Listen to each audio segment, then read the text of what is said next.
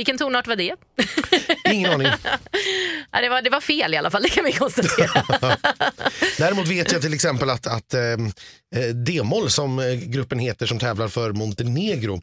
Jag vet inte om det är därför de har eh, valt det namnet men D-moll är ett av de absolut mest vanliga vinnartonarterna. Faktiskt inte mindre än tre gånger på 2000-talet har en vinnarlåt eh, varit framförd i D-moll. Dock är ju inte deras eget bidrag framfört i D-moll. Vilket ju då blir lite dumt. Ja, det kan man tycka men, men de vill väl på ändå kanske ha någon liten koppling dit. Ja, det är ett fantastiskt bidrag, men tyvärr ska vi inte prata om det. Nej, det var, det var faktiskt nog om dem. Ja. ja. Vi ska istället ta oss tillbaka till eh, oddslistan. Eh, Vi är ju inne på topp tre nu. Ja, precis. De som alltså oddsmakarna och därmed också spelarna då tror allra, allra mest på eh, i Eurovision. Och det är ju innan då man har sett hur det ser ut live, hur det låter live, utan bara baserat på vad man så att säga, gissar och tror att jurygrupper och tittare ska gå igång på låtmässigt. Exakt. Så Anders, tell me. Ja, på tredje plats, där har vi Schweiz. Aha! Ja. Och det här är ju inte ett land som direkt har rosat Eurovision-marknaden. Eh. Man har vunnit två gånger varav ja, första året då när, när, när det var tillåtet att rösta på sig själv och ett av länderna inte skickade några juryer utan eh, hyrde in schweizare istället. Eh, så, så har man bara vunnit en gång och då, då var det ju å andra sidan då med Céline Dion.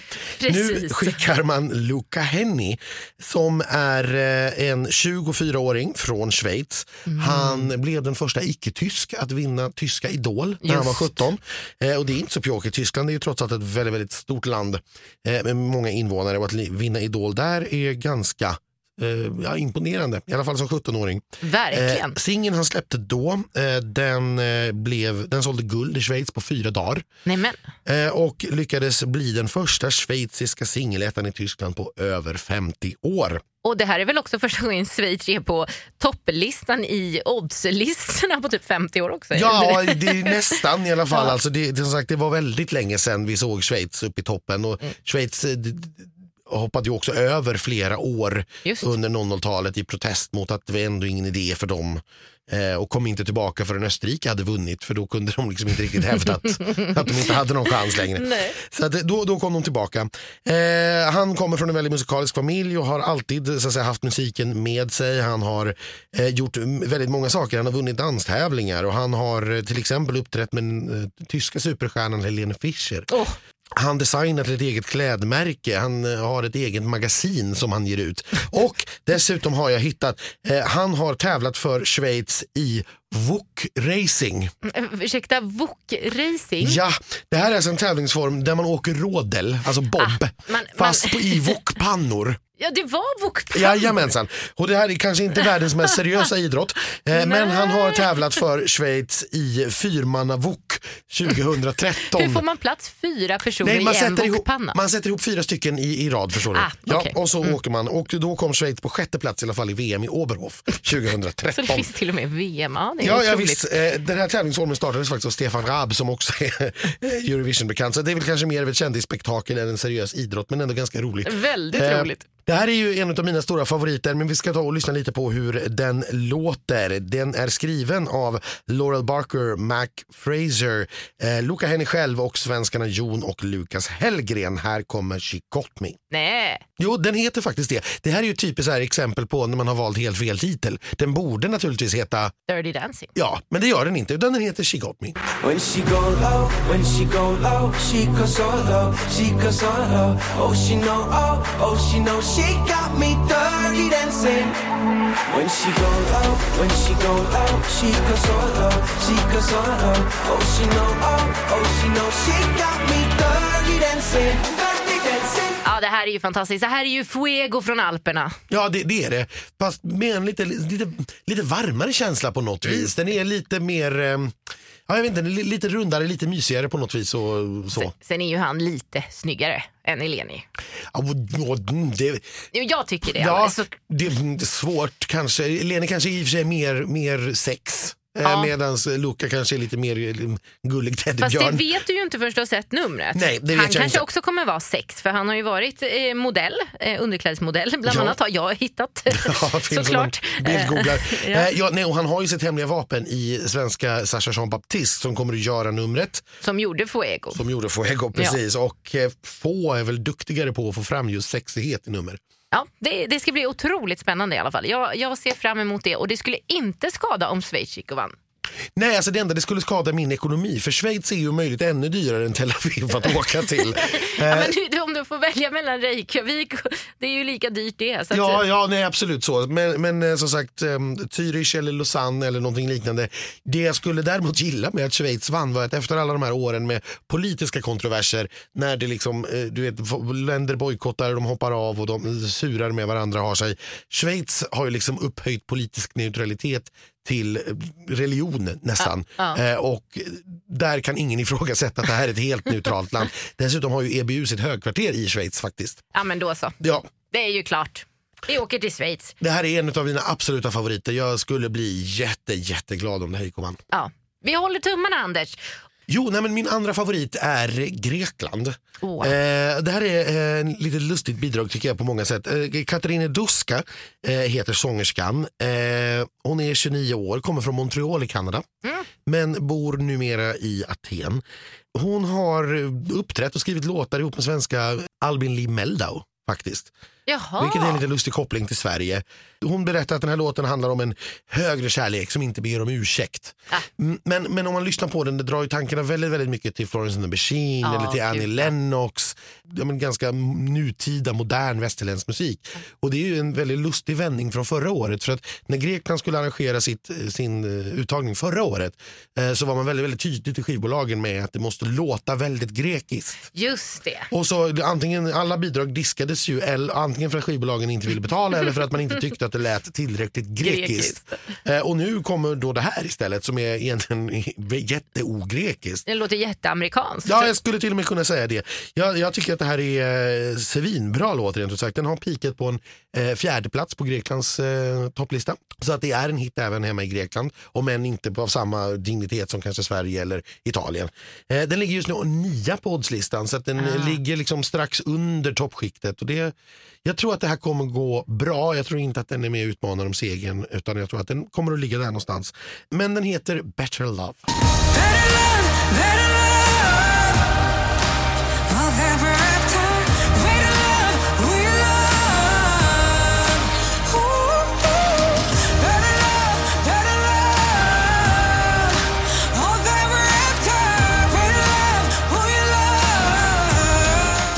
Faktiskt sett ett litet kamerarep på detta till och med och det ser ut som det blir väldigt eh, blommigt och härligt eh, även på scenen Mm. med eh, känslan av detta och hon ser lite ut som en drottning. Ja, nej, men jag, jag gillade det väldigt mycket. Det, det, jag tyckte att det, man behöll känslan man fick i videon. Att det känns lite konstnärligt men det känns ändå liksom äkta. Det finns en, en berättelse, det hänger ihop med låten och med vad hon vill berätta i, i sin låt. Nej, fantastiskt härligt Anders. Jag älskar också den här. Och med det ska vi väl gå tillbaka till det riktiga hotet. Nummer två på oddslistan Anders. Tell me. Ryssland. Oh. Ja, det här är ju lite av en skräck för alla Eurovision-fans. för att Ryssland vill jättegärna vinna, Ja. satsar jättemycket pengar eh, och inga Eurovision-fans vill åka dit. Nej. Nej. Och, och skulle de vinna så innebär det att vi nästa år måste åka till Ryssland. Och vi var där 2009, eh, jag var där 2009. Det var eh, inte jättekul faktiskt. Nej, jag har förstått det. Jag Nej. var ju inte där. Eh, Men eh, dessutom har man ju då valt att plocka in killen som var i Stockholm. Ja, och som kom väldigt nära att vinna, Sergej Lazarev. Han eh, kom Även kallad Sergej. Sergej. Fast han är absolut inte gay. Nej, naturligtvis inte. Det, är man inte i Ryssland. Eh, 36 år är han i alla fall. Han kommer från eh, Moskva. Han började jättetidigt med gymnastik. Oj. Eh, och sen blev det barnkörer och han hamnade i en ganska känd barngrupp som heter, nu ska vi se om vi kan uttala detta, Neposedi. Det här är en barngrupp där till exempel Julia och Lena från Tattoo träffades. Sen blev det teater och det blev eh, musikalroller innan han började utbilda sig till skådespelare. Så att han har till exempel spelat Shakespeare och gjort en massa riktigt seriös skådespeleri. Eh, han fick ett, sitt stora liksom, publiken genombrott med popduon Smash i början på 00-talet. Eh, där det då gjordes eh, popmusik som blev väldigt, väldigt populär i Ryssland. Han försökte ta sig till Eurovision redan 2008 när han slutade på fjärde plats i den ryska finalen. Då var det ingen mindre än Dima Bilan som vann och han gick ju sedan vidare och vann hela Eurovision. Ja, precis. Förutom att han har eh, ett väldigt stort intresse för hundar. Eh, han har faktiskt, så driver han faktiskt ett konditori för eh, hundar i, i. Moskva. Det heter Poodle Strudel och dit kan man gå och få bakverk gjorda framförallt för hundarna. Eh, så att hundarna ska kunna gå på konditori. men det kanske är så att jag vill åka till Moskva ändå nästa år faktiskt, med min hund. Eh, för, förutom sitt intresse för hundar så lyckades faktiskt paparazzis fånga honom på bild eh, med sin då eh, tvååriga son Nikita. Så han har en son? Han har en son men någon fru eller flickvän syns inte till. Nej, det är lite som med Ronaldo då. Ja, men Ja. lite, lite sådär. Så att vi får väl dra de slutsatser man vill utav, då, utav det. Jag säger ingenting alls. Den här låten är skriven av gamla Eurovision-veteraner Sharon Vaughan och Dimitris Kontopoulos. Sharon Vaughan. Jajamensan. Här är låten som heter Scream.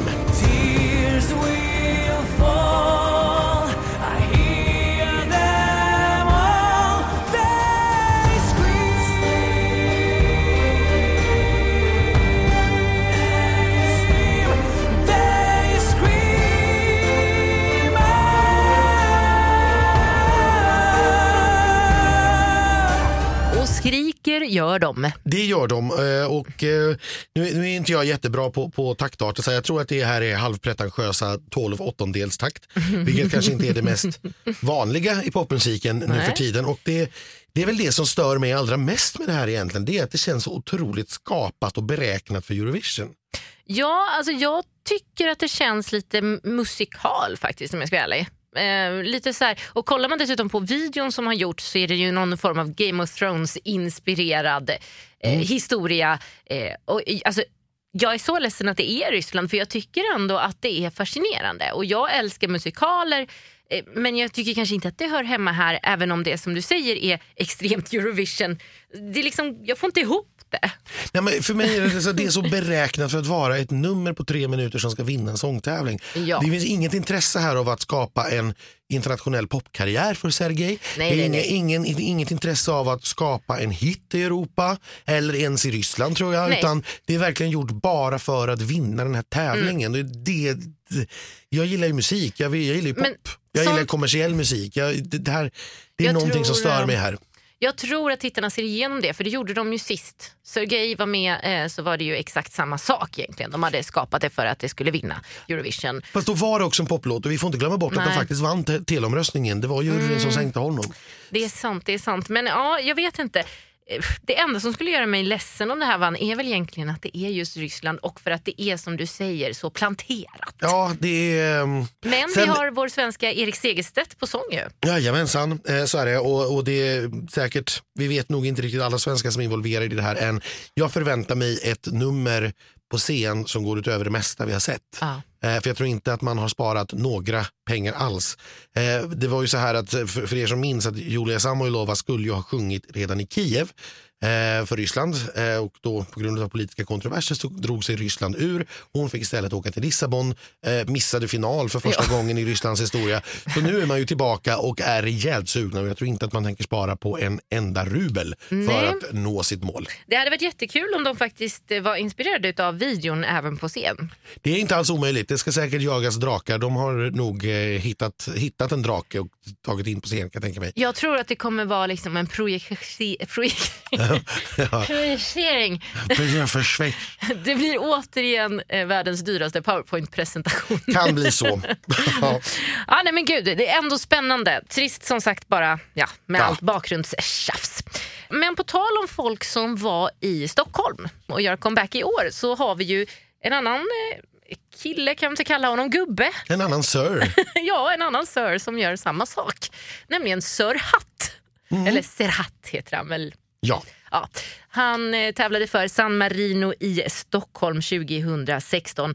Och det är en intressant människa. Han är ju inte från San Marino såklart. Nej, det är ju... väldigt få som är det. Ja precis, ja, det är ju hon eh, Valentina. Valentina ja. Och hon har ju ställt upp tillräckligt många gånger nu. Men nu plockar man tillbaka Serhat då, som faktiskt är från Turkiet. 54 år gammal är han. Han var faktiskt programledare för turkiska Jeopardy. Det är inte illa. Nej, han producerade även det själv. Hans produktionsbolag heter End Production. Jag vet inte om det är något, någon som har sagt det till honom någon gång och så. Åh. Nej, jag vet inte. Han har i alla fall blivit eh, utsedd till årets programledare i Turkiet eh, massa år. Så att han är ändå populär. Jag vet inte om han producerar tävlingen för årets programledare också. Det är oklart. Det är väl inte omöjligt kanske. kan vara så eh, det är. Hur som helst eh, så har han ändå en ganska fiffig eh, musikkarriär bakom sig. Han flyttade till Tyskland och jag antar att det är där han har träffat den här Ralf Siegel som ligger bakom de flesta av San Marinos eh, bidrag. Så känner man Ralf då får man ofta vara med för San Marino. Ja, det, det är ju välkänt att det är helt enkelt den som betalar sin egen promotion och sitt eget deltagande som får tävla för San Marino. Mm. Och det sanmarinesiska tv-bolaget lägger inte så stor värdering i vem det är. Och Ralf har visat sig vara väldigt intresserad av att öppna Ja. plånboken vid flera tillfällen. Exakt, men i alla fall, hans karriär började 2013 med låten Chemador. Tror jag man säger på franska va? Chemador. Eh, och eh, den här låten eh, var en danslåt och den låg faktiskt på topplistan i Tyskland i fem veckor på första plats. Minsann. jag har lyssnat på den idag, den är helt okej faktiskt. Svängig bit. Svängigt, så kan man säga. Och faktum är att sen släppte han också en singel som heter Total Disguise. Eh, Fruktansvärt dålig, men det gjordes en remake på den här några år senare. Eller några år senare, jag tror att för typ två, tre år sedan. Med Elena Paparizou i duett. Ja, det ser man. ja, den här videon har jag också tittat på idag. Väldigt spännande. Men då var den förstås en hit på riktigt den gången. Såklart. Elena hjälper ju till att dra lite där förstås. Eh, han har även gjort en nyinspelning av I didn't know som var med i... Tävlingsbidraget från Stockholm. Och den låg då på Billboardlistan i USA på dance-varianten. Ja, det är ju faktiskt helt sjukt Ja, men vet du att ha varit på Billboardlistan. Men vet du varför? Nej. Därför där tog han också in en liten hjälpreda. Mhm. Eh, så den är featuring en dam som heter Martha Wash. Och Okej. Martha Wash säger inte än jättemycket och man undrar hur hjälpte det honom? Men vet du vem Martha är? Jag har ingen aning. För det första så heter hon faktiskt Martha Elaine Wash. Bara en sån sak. Ja, det är nämligen kvinnan som var sångerska i Weather Girls. Jaha du. Så Och då blev det disco, ja. Ja. och i, så i USA är hon ju väldigt stor. Eh, så jag tror snarare att det var Martha som drog den där till Billboardlistan, inte Serhat. Så, så kan det ha varit. Men det är ändå imponerande för en Eurovision-låt att ta sig hela vägen till Billboard. Det Mm. Visst. hör inte till vanligheterna. Det är även Martha vi hör på danslåten Everybody Dance Now. Nu ska vi dansa igen då med Serhat från San Marino. Jag är jätteglad för det här återtåget. För jag tyckte alltså att Serhat var en helt fantastiskt rolig person. Men i år är faktiskt låten bra dessutom. Den heter Say Na Na Na. Say na na na. On the dark deserted place, say na na na. There's a light for you that waits is na na na. Say na na na. Say na na na. You're not alone, so stand up na na na. Be a hero, be the rainbow and sing na na na. Say na na na. Har ju jobbat på titeln här märker man ju. Säg na na na. Eh, eh, det är ju djupt. Det kommer komma en remake sen featuring Dinana. Säkert. Ja, jag ser fram emot det.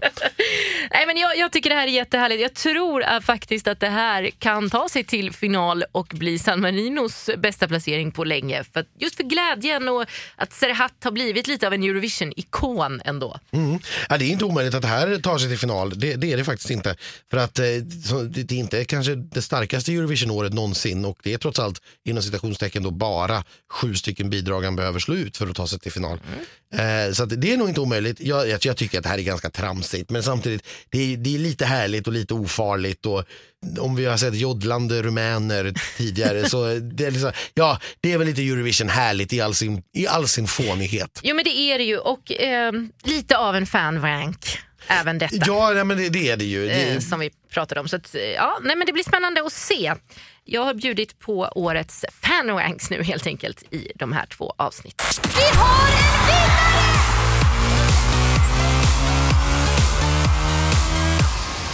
Vem är favorit att vinna Eurovision 2019. Jag vet inte om jag är helt överens här med oddslistorna faktiskt. Den här låten, det är Nederländerna, eh, för den som möjligen inte re- redan har gissat det, eh, som är eh, ganska överlägsen oddsetta och har varit ända sedan den här låten släpptes. Och jag kan möjligen liksom köpa och acceptera att den är oddsetta, men att den skulle vara det så överlägset har jag lite svårt att förstå. Eh, Jag, mm, ja, jag, jag tycker att det här är genuint en riktigt, riktigt bra låt. Det, Ja, det är det, det är verkligen. verkligen en jättebra låt, men att den skulle vara så överlägsen favorit har jag lite svårt att förstå varför. Mm. faktiskt. Ja, men ibland blir det ju så, någonting spinner iväg. Liksom. Vi har ju sett det förr och då, Mm. det är ju oftast inte så överlägset när det väl gäller. Nej, Det är väl Euphoria då som har varit det. Ja, och även, även Rybak var där och Emily de Forest för Danmark var väl också där skulle jag säga. Så Ja. det, det, det händer, men, men eh, inte varje år. Nej. Francesco Gavani var ju för Italien till exempel också en sån jättefavorit som Ja. då bara kom på sjätte plats i slutändan. Mm, och det här skulle kunna vara en sån beroende på numret faktiskt. Ja, och det har vi inte när vi spelar in det här set än. Nej. Så att det vet vi inte. Duncan Lawrence heter artisten, han är 25 år. Han vann en talangjakt när han var 16 eh, och då bestämde han sig för att nej, men musik är faktiskt någonting jag ska satsa på trots att han kom från den här lilla byn där man absolut inte fick hålla på med musik. Ja. Eh, men han skrev in sig på en skola som heter Rock Academy. Där fick han då en, eh, ja, en utbildning i, i musik helt enkelt. Eh, Ja. Han har samarbetat då därefter med mycket indiemusiker runt om i Europa och runt om i världen. Bland annat eh, Joel Sjö. Eh, Jaha. svensken som står och har skrivit, med, och skrivit den här låten. Han kommer också från Borås precis som jag gör. Nej men Ja, det är då. mycket Borås. Det är mycket Borås i slaget. Det är Ja. Victoria och det är Christer, Magnus Carlsson och jag. Och Shirley Clamp. Och Shirley Clamp naturligtvis. Den här låten skrev han ursprungligen för en person som han sa eh, älskade väldigt djupt men som gick bort i tidig ålder. Nej men. Eh, som en personlig berättelse. Men när han har jobbat vidare med den så tycker han att den snarare handlar om en längtan efter någonting som man tror är ouppnåeligt. Ah. Eh, och att den därför är liksom, eh, möjlig att ta till sig för alla människor. Ja. Arcade heter den och eh, handlar om hur ja, han står i en jättestor spelhall helt enkelt och en väldigt liten pojke.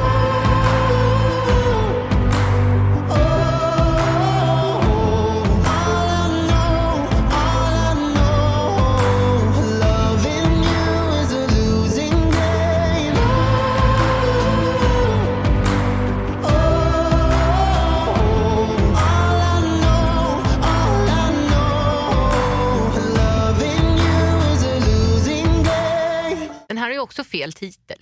Ja, det, det har den. Han sjunger i och för sig ordet arcade, men jag tror bara det är en gång faktiskt. Precis. Nej, det, jag vet inte vad den skulle ha hetat dock. Nej, Losing game kanske. det, losing game, ja. Eller loving you is a losing game eller någonting sånt. Ja, den är otroligt fin i alla fall, men det, den här är ju framförd tidigare.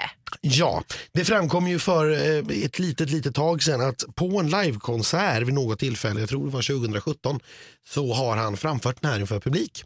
Det var ju inte en stor publik utan det var väl några hundra kanske på sin höjd där och sen har det dessutom lagts upp på Youtube. Ja, och legat där sedan 2017. Ja, precis. Eh, och, och då började det naturligtvis direkt skrikas om att det ska diskvalificeras och, och så vidare. Men det, det EBUs regler egentligen säger, de är inte lika strikta som Melodifestivalen är. Nej. Eh, utan det de säger är att det, låten får inte vara släppt kommersiellt till en bred massa. Nej, och 400 personer hade sett det här Youtube-klippet innan det här kom ut. Exakt. Så det är väl ingen större fördel skulle jag säga. Nej, alltså precis, syftet med regeln är att ingen låt ska få en fördel Nej. av före någon annan och det har den här låten inte fått. Nej. Hade det varit Melodifestivalen så hade den blivit diskvalificerad därför att den får inte framföras offentligt alls. Punkt. Men- Och det är ju en lättare regel för då slipper man ju de här gränsfallen. Ja. Eh, för nu, här hamnar man ju helt, helt hur man än gör så hamnar man i ett gränsfall. Även Litauens låt i år har ju också varit tidigare publicerad på ett Sound, eh, Soundcloud-konto. Ja. Så att, eh, och det här är ju egentligen upp till Jon-Ola Sand då, som är exekutiv supervisor för tävlingen att avgöra. Mm. Har vi gått över gränsen eller har vi inte gått över gränsen? I det här fallet så har man ju då naturligtvis bestämt sig för att nej det är inte över gränsen för att 400 har sett Youtube-klippet. Vi vet inte, det här är ett väldigt långt Youtube-klipp för hela konserten. Precis. Så att man vet inte ens om de har hört låten i klippet. Liksom. eh, och några hundra var där. Så att finns det inte fler än så, har det inte spritt större än så, då finns det ingen anledning att diskvalificera bidraget. Jag tycker hur som helst att den är väldigt, väldigt fin. Lite tråkigt med en så lugn Eurovision-vinnare igen dock. Tycker jag. Ja, det, det, Det är är dags det. för Och- något party nu att- att vinna. Visst, Netta var väl lite party men Nej, nej alltså jag, det är väl, så här, jag, jag kommer väl ut här som Schweiz-fan. Jag, jag eh, vill ju allra, allra helst att Schweiz ska vinna detta. Men eh, jag är helt enig i att Nederländerna är en fantastisk låt och jag har ingenting emot om den skulle vinna. Och sen ska vi inte glömma bort att Amsterdam vore ju alldeles fantastiskt att få åka till i maj. Där är det både bill, nej, hotell Nej, är dyrt men det ja. är billigt att vara där i alla fall. Ja, Om man jämför med alternativen. Om, man jämför med alternativen så ja, men med vår svenska krona för stunden så är ju allt utom Turkiet svindyrt. Oh, men Ja. Turkiet kommer nog inte vinna eftersom de inte är med. Nej, så är Nej. det. Jag har ingenting emot Nederländerna heller om de skulle gå och ta hem det här. Det är dessutom väldigt, väldigt länge sedan. De har inte vunnit sedan 1975. Nej, då kanske det är dags. Ja, De jag, var jag ju var, nära 2014. ja, precis. Jag var tvungen att gå tillbaka och kolla också så att de inte går om oss i den här maratonlistan. Men de har bara fyra vinster. Så att den femte är inga problem. Nej, men det är bra det. Ja. Tur. Ja, det, det, det var ju egentligen eh, det hela då. Men sen har vi ju en intressant grej med Storbritannien i år. Det är säkert ingen missat, men vi nämner det för sakens skull lite snabbt då. Att Storbritanniens bidrag Bigger than us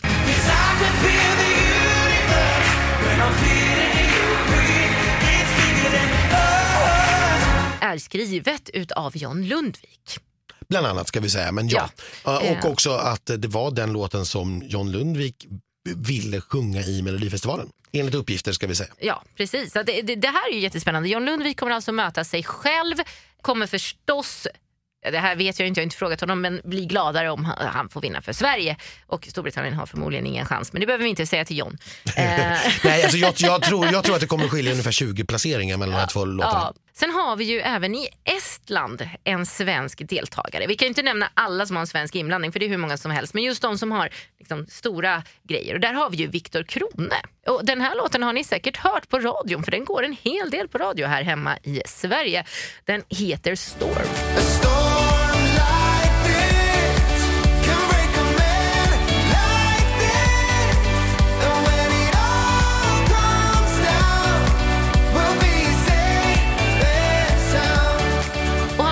haft sitt första rep som vi har hunnit se när vi spelar in det här. Eh, inte så märkvärdigt kanske, men jag tror att det kommer bli väldigt snyggt och lite lek med visuella effekter och sådär. Viktor Krone var ju med i Melodifestivalen ihop med Berang Miri. Mm, 2015.